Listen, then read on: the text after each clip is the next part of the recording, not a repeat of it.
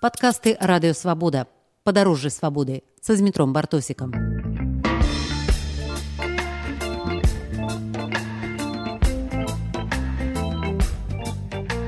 У эфіры радыё свабода пры мікрафоне зміцер бартосік напярэдадні савецкага свята жанчын мы едзем у глыбокае па эстонскую пенсію.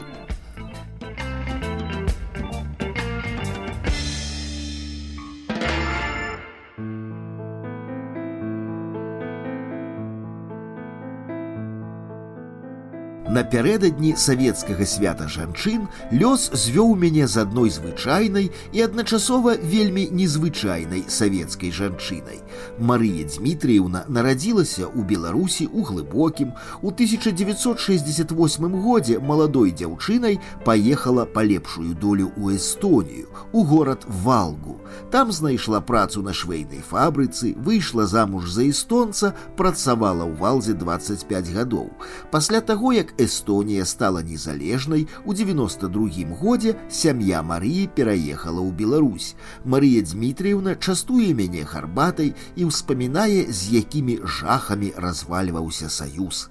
Эстонскія жахі 90-х і сёння ўспрымаюцца як верх цивилизованности. Вот мы как сегодня работали все за конвейером, и поехала наша инженер у Таллин, приехала и говорит, вот когда путь был, приехала и говорит, танки идут, говорит, по Таллину.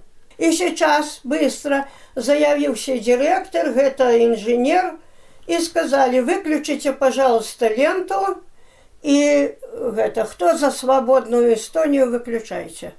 У нас была мастер эстонка, и она выключила сразу, но а на третьем этаже были русские мастера, там не подчинились. Рабочим ничего, а мастеров поувольняли. Такое было. И вот тогда и подписали этот договор отключения от э, Союза. Сярод беларусаў, русских, сярод не эстонцев были люди, якія падтрымлівалі незалежнасць Эстонии. Но я вам вот уже сказала, угу. что где были русские мастера, они выключили конвейера. А где была эстонка у нас мастер, она выключила. И мы, раз выключено, мы же не работали. Не, а сами люди, сами, сами рабочие, яны не эстонцы, яны падтрымлівалі незалежнасць Эстонии, ці не, ці... Кто его знает, ну, наш коллектив вот так вот было, а як там у других коллективах или это я не знаю. Вы были за незалежнасць Эстонии, вы?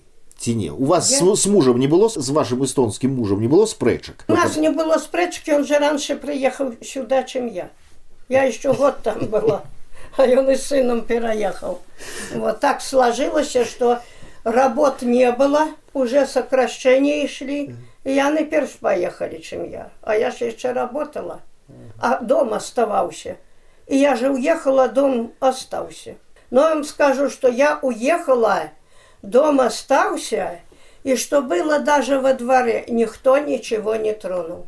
Вот. Как приехали, через год приехала, так все было. Все на месте? Да. Не было, чтобы грабили, чтобы это вот так. памятаеце сумную павлаўскую грашовую рэформу калі ў савецкіх грамадзян родная ўлада пачысціла кішэні з дапамогай тэрміновай замены соценных купюр але эстонскае кіраўніцтва і тады не дало абрабаваць сваіх грамадзян когда менялись эти сотки деньги директор утром рано пришел у цех и сказал никуда не бегайте Ничего, не суетитесь, принесите свои сотки в цех, мы их заберем по списку, а потом принесем по списку другие. Вот такое было, и никто никуда не бегал. А еще были такие горбачевские деньги называли. Вот тут у Беларуси их не знали. А там было, было такое, что сказали если у кого деньги лежат на книжке, идти взять чек, пойти в магазин и купить на этот чек товар. Мы этот товар брали, а чек потом относили в банк. Вот, и это назывались Горбачевские, какие-то были доплаты вот на эти деньги, которые у тебя лежат. Вот так покупали Я два костюма купила, много рубашек мужских, вот то, что мне надо было. Вот, вот такая была Такі быў клопат пра сваіх людзей. Я, я могу только Ну, так. вот так. Это было объявлено и на работах усюды. И, вот. и в банках никто не суетился, вот так вот люди. А тогда вот, когда уже Эстония скоро отсоединится, уже русские деньги не поступали в Эстонию. Оставалось мало на расчеты этих денег. Они сделали такие книжки. Чек брал магазин, и чек оставался, отрывался, так, эта книжка. Я ее выдавали в получку. Вся твоя получка записанная в этой книжке. Типа вот как и карточки эти. Но их еще тогда не существовало. Было и не жалко по книжке заплатившей в столовой и в магазине. А вот когда собрались уезжать, вот сын и с мужем, им не было як это деньги, а у поезд, а на базарах уезжаешь ты, а этой книжкой же не рассчитаешься. Так вот, еще военные были, военные покупают там, а военным выплачивались все деньги. Военные покупают, значит, на книжку ему берешь, а он тебе деньги даст. Вот так вот получили деньги на уезд.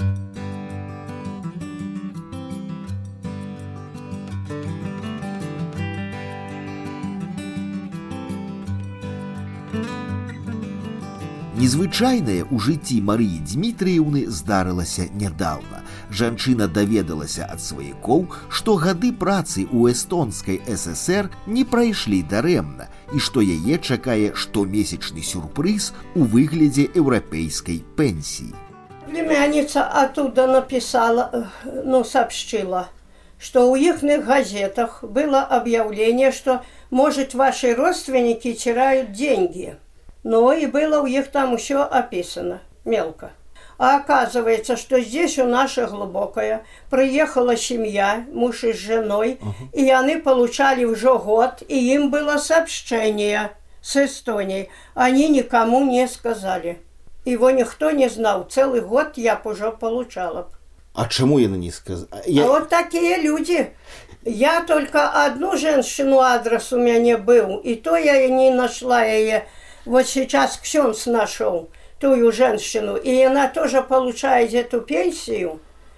Вот, и я сообщила. Как я узнала, я сообщала людям. А вот такие люди молчали и не говорили. И зато мы не знали. А раз Эстония сообщила была, и, и наверное, думали, почему мало людей, которые знают, что много уехало и работали. А вот они так, можно сказать, бессовестно поступили с народом, которые уехали, со своими ж белорусами. Вот так получается. Як гэта па-савецку шчыра атрымліваць пенсію з-за мяжы і нікому пра тое не сказаць.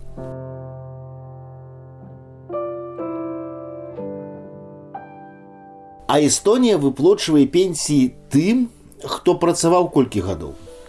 Там э, 15 годов, не меньше надо их на стажу, и до 54 года рождения. Так, і ў выніку Эстонія выплочвае пенсію. Да. Колькі? Но мне назначено 341 евро. 341 евро. Да. Скажите, вы атрымліваеце нейкую беларускую пенсію? Я отрымливаю среднюю белорусскую пенсию. Но как я пошла на пенсию, мне дали минималку. А вот потом той стаж я брала оттуда, и д- то потом на среднюю перевели. Это колькі в рублях? Это я уже получала 380, вот последнее. Рублёў. Да, І плюс яшчэ еўры. да. Вы сталі багатай пані. Богатая, коли много всяких хвостов. Для вас было гэта нейкай прыемнай нечаканасцю ад, ад Эстонии? Конечно, было. Но когда я уезжала, вот сын уехал с мужем, когда народ много уезжал. Уезжали, уезжали, потом эстонцы, наверное, хватились, что люди разъезжаются, ведь русских очень много было людей. И вот я через год только поехала, я еще работала, при- они уехали, А я осталась до осени, до поздной. И поздной осенью я, не увольнявшись с Эстонии, приехала сюда. Я год тут прожила, и через год поехала туда. Мне сказали, прийти у ихный парламент, и что мне выплачут деньги подъемные и оплачут дорогу до Минска.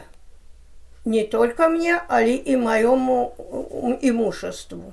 И сказали, объясните, чего уехали, пишите объяснительную. Ну что я буду писать? Я написала, что родители у меня больные, и я уехала. Но мне заплатили. Я уже не помню точно сколько. У долларах заплатили. Все, что я чую, у меня выкликает просто повагу до Эстонии. Вот. Як, як Эстония ставится до своих... Ну вот так, я скажу, что там очень такой порядок в больницах, поликлиниках, вот что касается такого простого народа. И вот этой такой коррупции как-то не так заметно, как у нас. Если мы работали там, эстонцы и русские не выделяли, что вот тебе столько, тебе столько, этого не было. И когда последнее время я работала, мы работали на шведов. Нам уже сделали шведскую линию всю, как говорится, как было раньше при Союзе работали начало месяца, пока раскачаются, потом к концу месяца быстрее, быстрее, все. А там с первой минуты.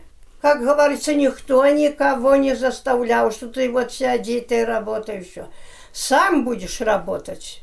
Половина недополучишь, если плана нет. Так было, что и у воскресенья даже работали. Нам крой привозили со Швеции кораблем у Таллина, а Сталина фуры привозили. И вот фура стоит, а мы шьем. Значит, эту фуру вот за столько должны загрузить. Если она простояла лишнее время, значит, с твоей получки и повысчитывают. Вот такое у них. Как говорится, никто не заставляет, но если бы в Союзе так раньше работали, мы бы тоже богато жили бы. И финны. Была финская линия, и была гэта шведская.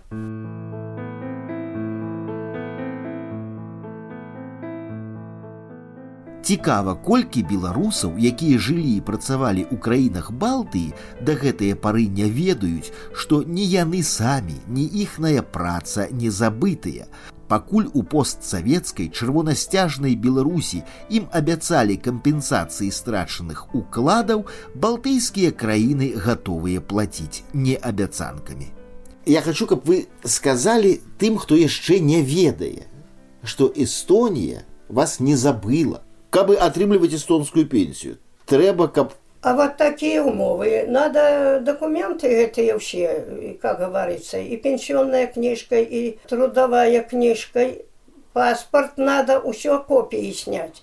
Снять копии и паспорт затвердить нотариусом.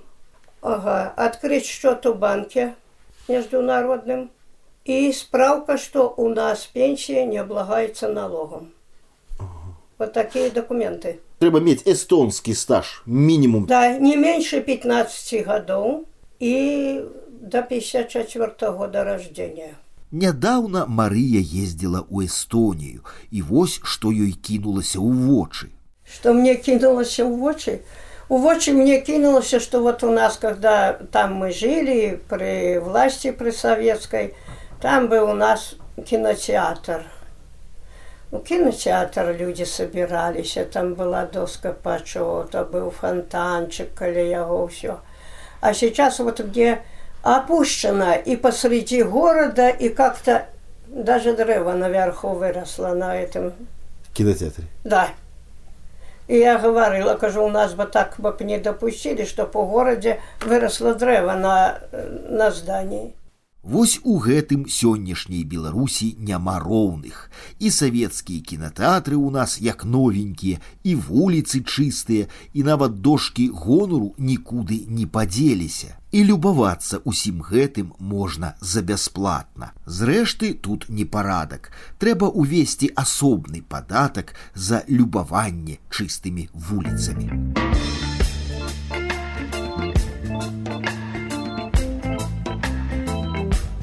Вы слухали падкаст радыёвабода наступны выпуск праз тыдзень Усе падкасты свабоды ў інтэрнэце на адрасе свабода кропка орг штодня у любы час у любым месцы калі зручна вам свабода кропка орг